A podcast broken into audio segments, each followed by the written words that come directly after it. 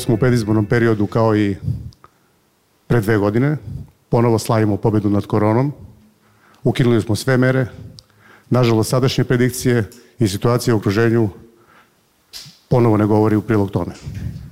Šta se dešava kada se zanemari stručno vođenje pandemijom i kada se pandemija u osnovi vodi na jedan populistički način, o tome će prvo govoriti gospodin Igor Smolić, koji će, raditi jednu, koji će vam predstaviti jednu kratku prezentaciju u statističkom smislu šta se dešavalo za dve godine. Izvoli, Igor. Svi se sećamo neverovatnog niza brojeva koji je označavao broj umrlih dnevno u junu 2020. godine. Znači, prve tri sedmice 18 puta se desilo da jedno lice premine u toku dana i tri puta se desilo da niko ne premine. Ovakav jedan niz e, nije posledica nekog prirodnog procesa. Za tih e, tri sedmice očekivana distribucija za taj prosečan broj umrlih u tom periodu, to je prikazano crvenom bojom i belom bojom je ono što su bili naši zvanični podaci. Očigledno postoji odstupanje, ove fale i nule, a potpuno isto tako neočekivano da se nije desilo niti jedan put da imamo dva ili više umrla u toku godine. E sad, u statistici možemo da merimo razne stvari. Ove, prvo što smo pokušali je da vidimo koliko je verovatnoća da se desi ovakvih tri sedmice i to je pokazalo da je ona mala, da je manja od 1 prema 100. To se dešavalo i narednim talasima. Znači u trećem talasu u jesen 2020. godine, kada su brojevi porasli, su ponovo primećena odstupanja, tada je verovatnoća ove, u toku dve nedelje već bila da se takav jedan niz brojeva pojavljuje, ove, 1 prema 29.000. Zatim u četvrtom talasu, početkom 2021. ponovo u, za nekih 30 dana ove, ti nizovi brojeva su ponovo bili potpuno neverovatni. Kasnije i u petom talasu, ove, kad je došla delta, su te verovatnoće bile još manje. Znači u samom septembru verovatnoća je bila da su ti brojevi valjani 1 prema 10 biliona, da je bilion, znači milion miliona. To govori da je došlo do manipulacije tim podataka. Znači, ovakve uh, vremenske serije, znači te brojeve koje ove, svakodnevno dobijamo, ne mogu biti posledica neažurnosti u vođenju baze, da imamo krnju bazu, da postoje dve različite baze. Nisu ove, nikako posledica uh, i greška lekara koji su popunjavali te baze pošto ako se takve greške dešavaju popunjavanju baze, mi očekujemo da postoje veće razlike u brojevima između susednih dana, a ne manje. Druga stvar o kojoj želim da govorim je o a, sekvenciranju genoma. Da bi se pratila situacija sa o, razvojem i pojavom novih sojeva na nekoj teritoriji, potrebno je da se dovoljno uzoraka uzima od zaraženih i da se određuje kojoj, kojom varijantom virusa su a, ljudi zaraženi. A, u Srbiji se to čini veoma malo i do sada imamo samo 747 sekvenciji urađenih. To je otprilike jedna sekvenca genoma dnevno, gde se tako utvrđuje šta je od sojeva prisutno kod nas. Ako pogledamo kako izgleda to u svetskim razmerama, ove, za sada u javno dostupnoj bazi GSAID imamo preko 9 miliona sekvenciranih genoma.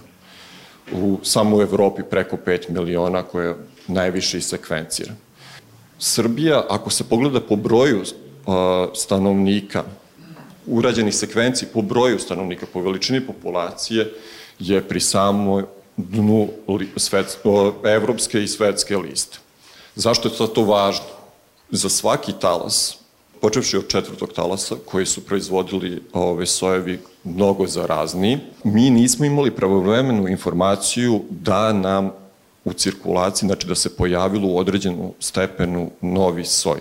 Tako da se vrlo kasnilo sa tim ove, upozorenjem da kod nas postoji ove, problem sa nadolazećim talasom i novom zaraznijom varijantom. I ono što je najvažnije, a što mi nismo ni videli u toku ove epidemije, bilo je moguće predviđati kako će se u narednom kraćem periodu stvarno odvijati situacija. Znači, bilo je dovoljno pratiti samo te brojeve novozaraženih dnevno, ove, da vidimo kada kreće svaki novi talas. Ponovo nam se ponavlja sa omikronom. 14. decembra je u Britaniji postao dominantan.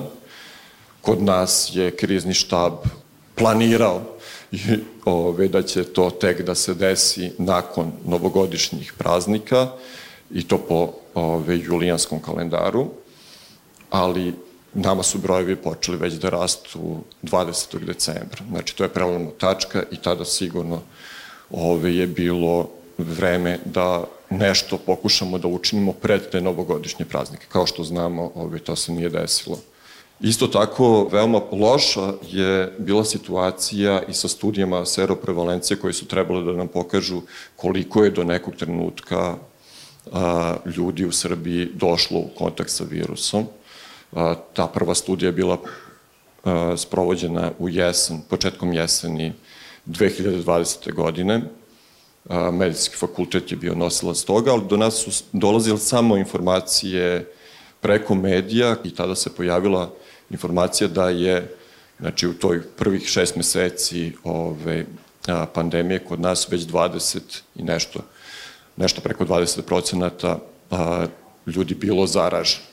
Ta vrednost je vrlo odudarala od onoga što su merile druge zemlje za nekoliko puta, a usto je bila o, i u neskladu sa brojem umrlih, pošto se znalo otprilike koliki je procenat umrlih u odnosu na zaražene, i oni su bili potpuno nelogični. Naravno, kasnije, posle jesenjeg talasa koji je usledio e, i dok smo čekali da dođe alfa soj, e, tada se već licitiralo od strane kriznog štaba da smo mi na 40% prokuženosti, dok na kraju su informacije od prošlog leta bile da je 80% na primjer prokuženosti među decom. To se videlo da nije tačno i takve informacije su bile vrlo pogubne po shvatanju ozbiljnosti situacije i verovatno služile da bi se relaksirale mere.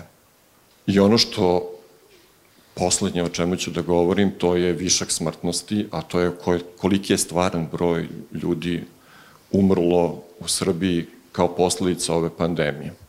Znači, višak smrtnosti je razlika broja umrlih u odnosu na očekivani broj umrlih u nekom pre, predpandemijskom periodu i mi smo po podacima Republičkog zavoda za, za statistiku a, do zaključno sa januarom ove godine došli na 51 51.700 umrlih u ovom periodu. Do danas možemo da procenimo da je to oko 57.000 umrlih. Znači, to je više nego tri puta veći broj umrlih od zvaničnih podataka koji nam, koje dobijamo svaki dan. Kada se to pogleda na veličinu populacije, mi smo došli na 830 umrlih na 100.000 stanovnika. I to nas postavlja visoko u listu ove zemalja po višku smrtnosti.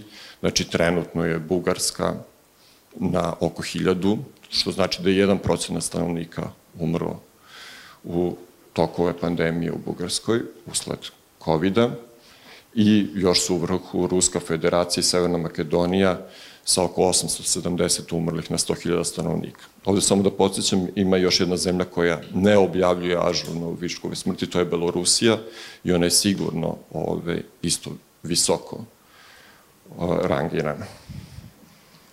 Kada se pogleda po koji su Uzroci smrti u 2020. godini, isto po podacima Republičkog zavoda za statistiku, tada vidimo da je samo u toj godini višak smrtnosti bio 15.220.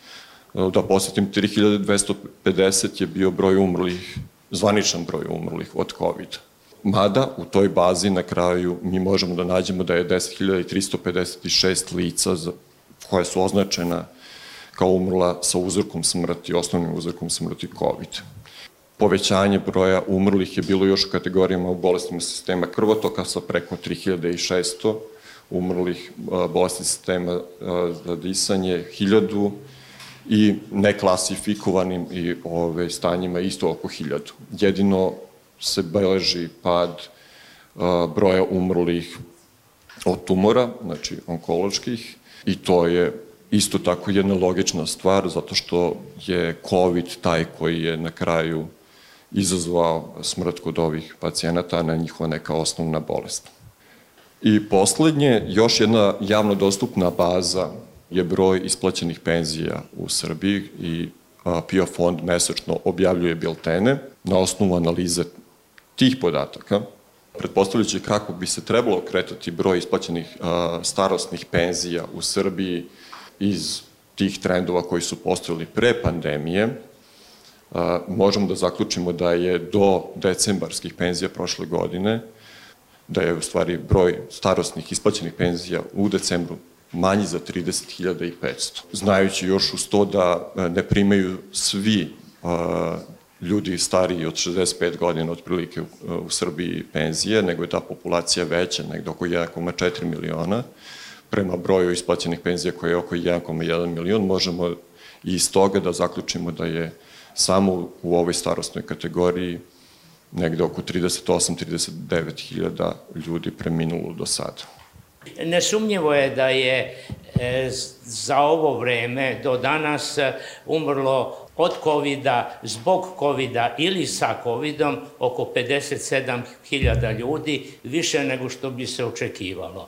A kad pogledate e, zvanične podatke, merodavne, a, međunarodne a, uporedne statistike, onda tu postoje vrlo male razlike. Recimo, ako se držite jedne od takvih e, statistika, onda je e, zaključno sa januarom umrlo u Srbiji 53.540 ljudi, e, više nego što bi se očekivalo, imajući u vidu e, desetogodišnji prethodni prosek. E sad, nesumnjivo je da smo mi u svetskim razmerama u vrhu i da smo katastrofalno prošli u odnosu na druge zemlje.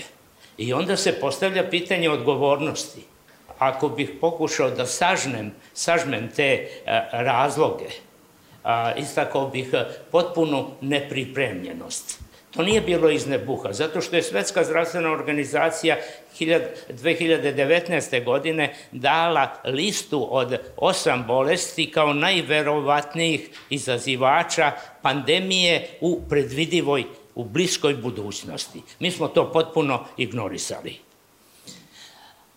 Kada je došla pandemija, ispostavilo se da je vladao potpuni organizacioni haos.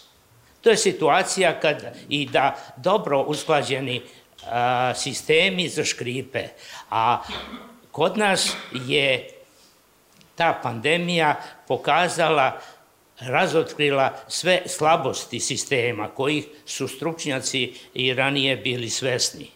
Mi Nismo nabavili opremu, za razliku od, recimo, epidemije variole pre 50 godina, kada smo se unapred pripremali, kada smo očekivali tako nešto, pa smo imali zaštitnu odeću, sve što je moglo da se nabavi. Ovde smo bili nepripremljeni, a onda još jedan faktor je da mi ne funkcionišemo, ne funkcioniše zdravstvena služba kao što ni e, drugi sektori ne funkcionišu. Tako da i ono zaliha što je bilo u magacinima nije blagovremeno povučeno. Tako da su medicinski radnici ostavljeni da bez ikakve zaštite se suočavaju sa pacijentima. Ko se bunio, bivao je sankcionisan, premešten, da ne navodim sad primere.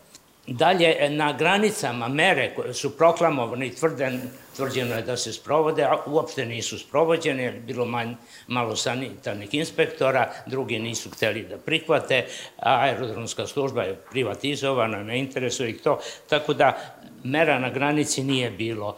A, karantini, opet, mi smo ranije u onoj bivšoj državi unapred znali Ako se javi kolera, ako se javi, verovatnije je bila variola, ne samo u Beogradu, nego u svakom većem gradu, koji će motel, to je obično biran na obodu grada, izolovan, biti određen za karantin, mogo je da se isprazni u roku 6 sati. U ovoj pandemiji Mi pojma nismo imali. Pa su onda postojale improvizacije i obećanja. Ministar zdravlja je govorio da ćemo isprazniti kasa, kasarne. To je potpuno besmisleno rešenje, jer kasarne imaju jedan mokri čvor na celom spratu. Pa onda išlo se još dalje, jedna grupa direktno sa aerodroma je protiv svoje volje odvezena blizu mađarske granice u neki izbeglički kamp gde su prozor, ovi kreveti bili na sprat. Opet kao da se neko šalio ili namerno hteo da zarazi što više ljudi.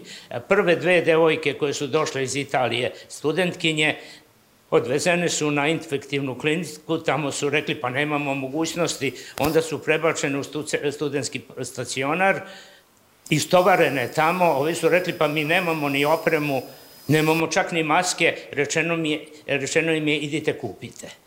Dakle, potpuni haos. A sledeće je nesvatanje situacije. Vi se sećate one sramne konferencije 26. februara 20. godine, kada se govorili da ćemo se lečiti rakijom, da smo mi biološki superioran narod, što je strašno. To je, e, podsjeća, od Nirnberga se takve stvari o biološkim razlikama između nacijama ne pominju nisu to bile e, samo šale, nego nerazumevanje. Pa onda, kada vam e, Dačić kaže da je u pitanju biološki rat, to ne pomogne ni razumevanju situacije ni protiv epidemijskoj borbi. Pa onda, kada se hvalimo kako ćemo mi kinezima da pomognemo da naprave vakcinu. A mi nismo u stanju bili 15 godina da napravimo vakcinu protiv gripa, koja je najjednostavnija. Dalje imali smo pogrešno a, odabrane prioritete i to je opet bilo zamazivanje očiju javnosti. Ispostavilo se da a, je sve u nabavci a, respiratora. Dakle, onda herojski nabavljamo respiratore, nabavljamo ih preko svake razumne granice, da li 2000 ili ne zna se tačno koliko, mi ni u jednom trenutku nismo koristili više od 350 respiratora. Pored toga, ti nabavljeni respiratori nije se vodilo računa da li mogu da se uključe u sistem. A ono što je najvažnije, a, mi nismo imali dovoljno kvalifikovanog kadra da radi na tim a, respiratorima. Čak i sada smrtnost na respiratorima je oko 90%. Bilo je perioda, dosta dugih perioda, kad u nekim centrima smrtnost je bila 100%. Dakle, e, nisu respiratori ono što je spasavalo živote i što je bilo primarno u onoj situaciji. A to je tako e, predstavljeno.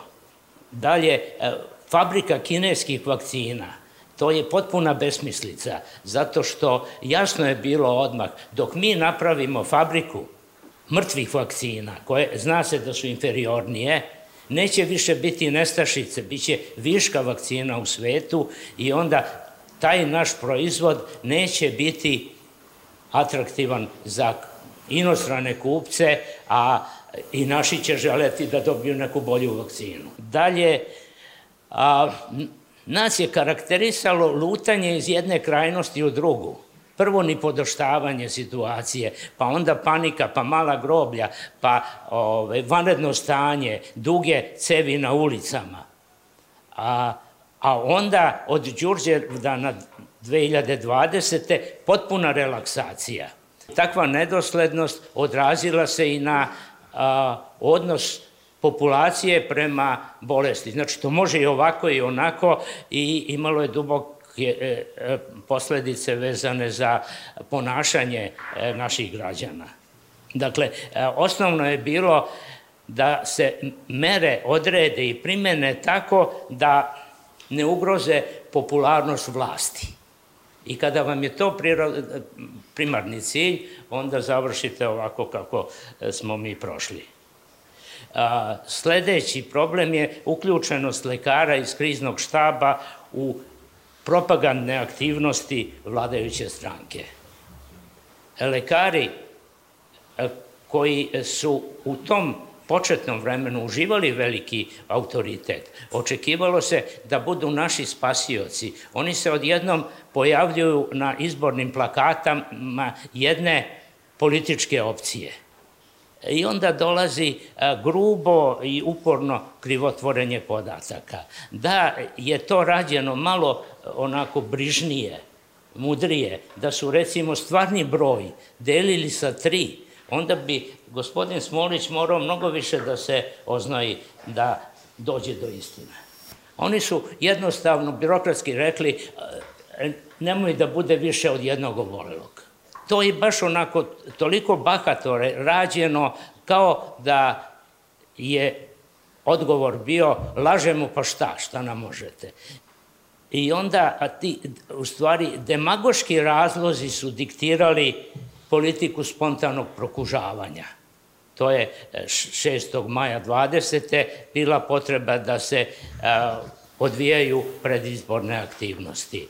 A onda isto tako posle izbora, kada je zapretilo nezadovoljstvo naroda, onda je na Ivandan 7. E, jula 2020 predsednik države zapretio da će ponovo uvesti vanredno stanje bez ikakvog epidemiološkog opravdanja. Onda je imao demonstracije koje su onako brutalno razbijene i od tog, tog trenutka rešeno je da se da kažem, ide niz dlaku, da se povlađuje narodu, da se ne donosi ni jedna mera koja bi ugrozila popularnost vlasti, pa koliko ljudi umre, nek umre onda e, to stvaranje ambivalentnog odnosa prema vakcinaciji. E, vi ste imali na režimskim medijima i provakcinalne i antivakcinalne govornike. I e, tu je na kraju surov obračun vlasti sa kritički raspoloženim lekarima. Sedmoro načelnika VMA, a tu su e, bili ljudi koji su u toj ustanovi uživali najveći i stručni i moralni integritet, bili su šikanirani. Ne samo jasno je bilo da će biti smenjeni, ali se išlo na to da se pre toga ponize doktorka na ginekologije je, ispražnjena je soba, skinuta je tog jutra sa programa e, operativnog. Pravljeni su spiskovi. E sad, vi zamislite e, tog direktora zdravstvene ustanove koji dojavljuje vlastima ko je od njegovih lekara nepodoban. Ali ako je on to spreman da uradi, svestan da će oni biti otpušteni, onda se postavlja pitanje da li bi mu zadrhtala ruka da je to bio spisak za streljanje. Gde to prestaje? I on se uopšte ne osjeća, to je pato, sociopatološka uh, crta ovog društva. On se ne osjeća posravljeno. Računa, to je njegova dužnost, kao što je Ajkmanova dužnost bila. E, to pokazuje koliko smo duboko a, potonuli. Ja sam sreo pre neki dan na jednom od protesta jednog od 11 lekara koje je prijavio direktor a, Leškovačke bolnice. I on mi je rekao da je ostalih deset kolega su popustili pod pritiskom. Povukli su svoje potpise. Da je bilo više tolerancije, da je ova grupacija lekara, ali i ostali koji nam ne pripadaju, imala prilike da iznese svoje stavove, da je bilo konfrontacije, da se jednom sastala epidemiološka sekcija, došlo bi se kroz stručnu polemiku do optimalnih rešenja a ne bi mere bile ovakve, nego argumentima bi se došlo do cijelishodnijih mera i garantujem da bi bilo neuporadivo manje umrlih.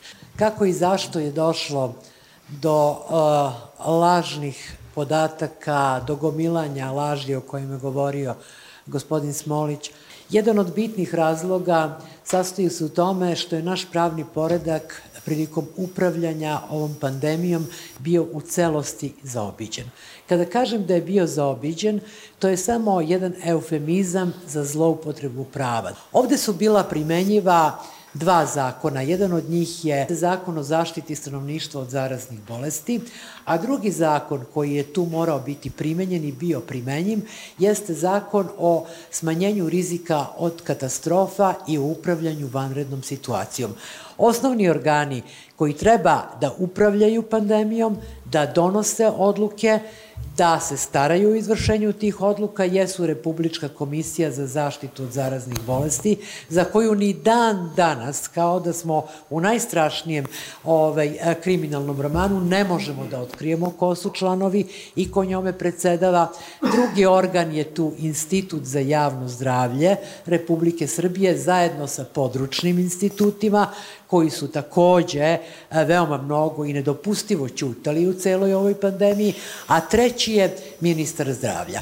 To su organi koji donose odluke. Oni zaista jesu e, više profesionalni nego što su politički organi. Do čega je došlo u toku prvih meseci pandemije kad je primjena prava u pitanju, već smo čuli. Bilo je proglašeno vanredno stanje, neposrednom primjenom Ustava i njegovim nakaradnim tumačenjem. Sve ostalo što se posle proglašenja vanrednog stanja desilo, bilo je pravna improvizacija, dakle primjenjena su neka pravila koja nisu bila pisana pravila. Pa je onda Ta zakonska nadležnost pripala kriznom štabu koji u tom trenutku nije imao nikakvu ulogu, niti bilo kakvu, ni ustavnu, ni zakonsku nadležnost kada je reč o upravljanju bilo kakvom vrstom epidemije, zaraze ne mora biti pandemija svetskih razmera. Zašto je do toga došlo? Došlo je i tu je ta zloupotreba prava. Došlo je do toga zato što se krizni štab od samog početka sastojao ne samo od lekara, dakle ne samo od profesionalaca, nego i od ministara i drugih političkih ličnosti. Znamo ko je na čelu tog kriznog štaba, na čelu tog kriznog štaba je i dan danas predsednica vlade koja nema apsolutno nikakve kompetencije iz oblasti medicine kao ni iz drugih oblasti kojima pokušava da se bavi u ovoj zemlji. Zaboravili smo svi da je osnovano jedno drugo telo koje je takođe isto kao i ovo, nema nikakvog uporišta u našem pravnom poredku, a to je štab koji treba da se bavi ekonomskim pitanjima izazvanim pandemijom. Na čelu tog štaba se i dan danas nalazi predsednik Republike, dakle osoba koja nema nikakvih kompetencija iz oblasti ekonomije kao ni iz oblasti medicine. Naravno, predsednik Republike ni kao predsednik te komisije nije mogao da odoli prekoračenju nepisanih ovlašćenja, pa je on tada pribavljao razna medicinska sredstva na način koji je on sebi pripisivao kao Robin Hoodovski, a nas ostavio za bezeknute, jer nikad se ne bih usudila da, da naručim niti uzmem bilo kakav, kako se to zove, aparat za mehaničku ventilaciju, respirator, jer o tome pojma nemam, a sigurno sam da ni on pojma nema. Dakle, nikad nismo saznali od kojih firmi je to kupovano, da li su ti aparati bili uopšte upotrebivi, da li su bili bili prilagodljivi, ne znam, struji ili bilo čemu što mi imamo u ovoj zemlji, jer ja zaista ne znam kako oni funkcionišu. Takođe, tu je bilo nabavke raznoraznih lekova, čija imena ne mogu uopšte da ovo izgovorim. Sve je to na kraju se završilo tako da nikakav izveštaj nije podnesen ni u onom najelementarnijem ekonomskom vidu koliko je to koštalo, koliko je tu promašaja bilo i iz kojih sredstava je došlo do ovaj, isplate svih tih pribavljenih na neverodostojan način, ili tako, aparate i lekova. Pored toga, znate da bi mere koje su bile određene u vanrednom stanju bile dopušteno ograničenje ljudskih prava. One ne samo da su morale biti zakonite, dakle uvedene zakonom, one su uvedene prvo naredbom pa uredbom, pa naknadno zakonje. One moraju biti proporcionalne opasnosti koja tada preti. A ja moram da pitam, da li je proporcionalno opasnosti koja je tada pretila, znajući brojke kakve su bile, da mi ljudi stariji od 65 godina moramo ujutru u 3 sata jednom nedeljno da idemo u nabavku, a za otkočivanje prosečnog čoveka od 70 godina, dobro vam stojim, potrebno je najmanje pola sata. Tako da su to bile mere sračunate na poniženje, a ne na zaštitu. Sve to E, te silne gomilane laži i nelogičnosti, kako e, je to mnogo puta citirano od strane Hane Arendt, dakle, ako lažete sve vreme, ako vlast laže sve vreme, to se završava time da više niko ni u šta ne veruje. I još gore, da se na taj način parališe svaka racionalna aktivnost kod građanina. To je dakle dovelo do nepoverenja javnosti u odluke kriznog štaba, pa onda posledično kao reakcija režimskih medija do nepoverenja javnosti i u ljude koji su se pokazali kao sirovi i surovi profesionalci, a to su između ostalog i ljudi okupljeni ovde u Jedinim protiv covid -a. I e, to je po mome sudu dovelo do totalnog neuspeha vakcinacije ovoj zemlji. I na kraju, ja bih htela da podsjetim javnost da su Ujedinjeni protiv covid pre nekog vremena zatražili da se osnuje fondacija za stipendiranje dece umrlih lekara u toku pandemije. Da ta fondacija ponese ime Nenada Maksimovića, lekara, anestezijologa, koji je jedan od najmlađih lekara koji je izgubio život a, od covid -a. Napisali smo, mi koji smo u pravnom timu Ujedinih protiv covid nacrt statuta koji treba da donese Lekarska komora Srbije. To je bilo pre dosta vremena. Nedavno smo dobili poziv za razgovor sa Lekarskom komorom Srbije. Zašto smo smatrali da je Lekarska komora Srbije ona koja treba da nosi tu fondaciju? Prvo zato, ona nije državni organ, ali jeste organ koji vrši javna ovlašćenja – Između ostalog, ona daje licence za rad lekara i to je nesumnjivo vršenje javnih ovlašćenja. Drugo, ona se u vrlo velikoj meri finansira iz zarada lekara koji su ovaj, licencirani, koji su članovi Lekarske komore Srbije. 0,8% zarade svakog lekara uplaćuje se u ovaj, Lekarsku komoru Srbije. Mi smo u tom statutu predložili da 0,1% ide za ovu fondaciju jer će to omogućiti njenu održivost na duže vreme. Dugo smo čekali da dobimo bilo kakav signal. Ja mislim da mi sada moramo da zahtevamo da se fondacija osnuje odmah, bez ikakvog odlaganja i bez ikakvih opravdavanja. Takođe, očekivali smo i čekamo još uvek da etičko telo Lekarske komore Srbije se pozabavi jednom agresivnom i osionom izjavom doktorke Danice Grujičić, direktorke Instituta za onkologiju i radiologiju, koja je osporila umiranje velikog broja lekara od covid koja je tražila od svoje sagovornice da pribavi dokaz da su umrli upravo od covid znajući da taj dokaz ne može da pribavi ni njena sagovornica, a ni ona sama, kao ni dokaz o protivnom.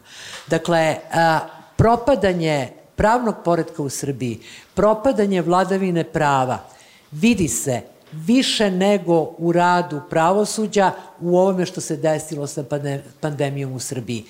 A čitava ova stvar zaslužuje da dobije na kraju sudsku istinu i meni ostaje samo da se nadam da će do te sudske istine jednom ipak doći. Mi smo u nekoj sad situaciji gde m, se očekuje na osnovu događanja u, u zemljama u okruženju, u zemljama Evrope, da opet krenu da rastu brojevi i neminovno ti brojevi će donositi i nove teške kliničke slike i nove smrtne ishode nije kraj pandemije. Ja moram da razočaram sve koji, se, koji veruju ovi iskazima tog tipa.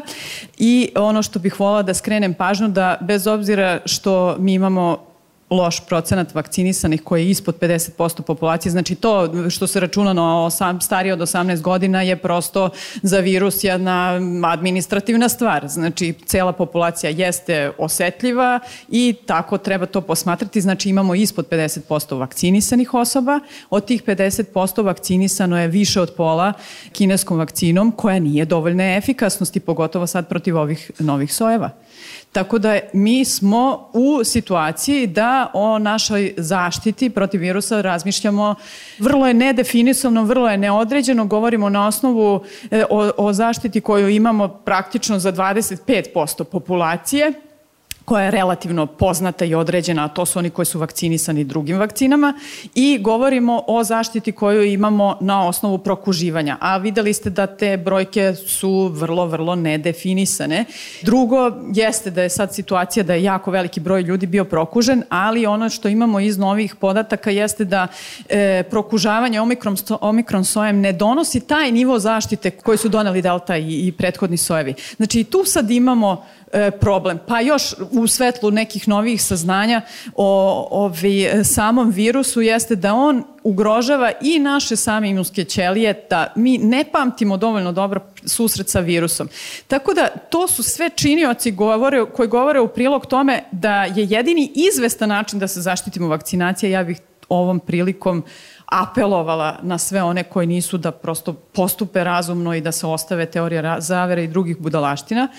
I takođe na roditelje da se vrate u programima redovne vakcinacije, da pedijatri prosto e, poguraju to e, kampanje za redovnu vakcinaciju su bile ugrožene ovom pandemijom, ni, nismo se time dovoljno bavili i sad imamo jako, jako loš obuhvat vak, MMR vakcinom, na primer što bi rekli u kladionici 1 kroz 1 je šansa za uh, epidemiju morbila. Znači, obuhvat MMR vakcinom je potrebno da bude preko 95% dece da bismo očekivali da smo izvan opasnosti za epidemiju.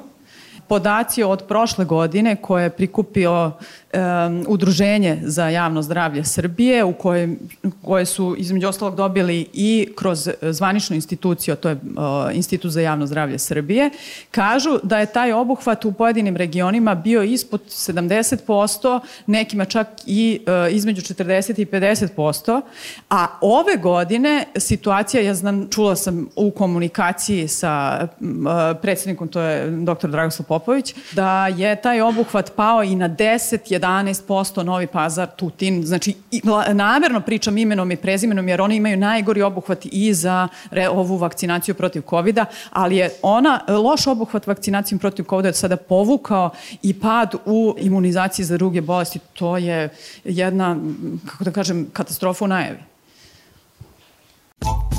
Oh.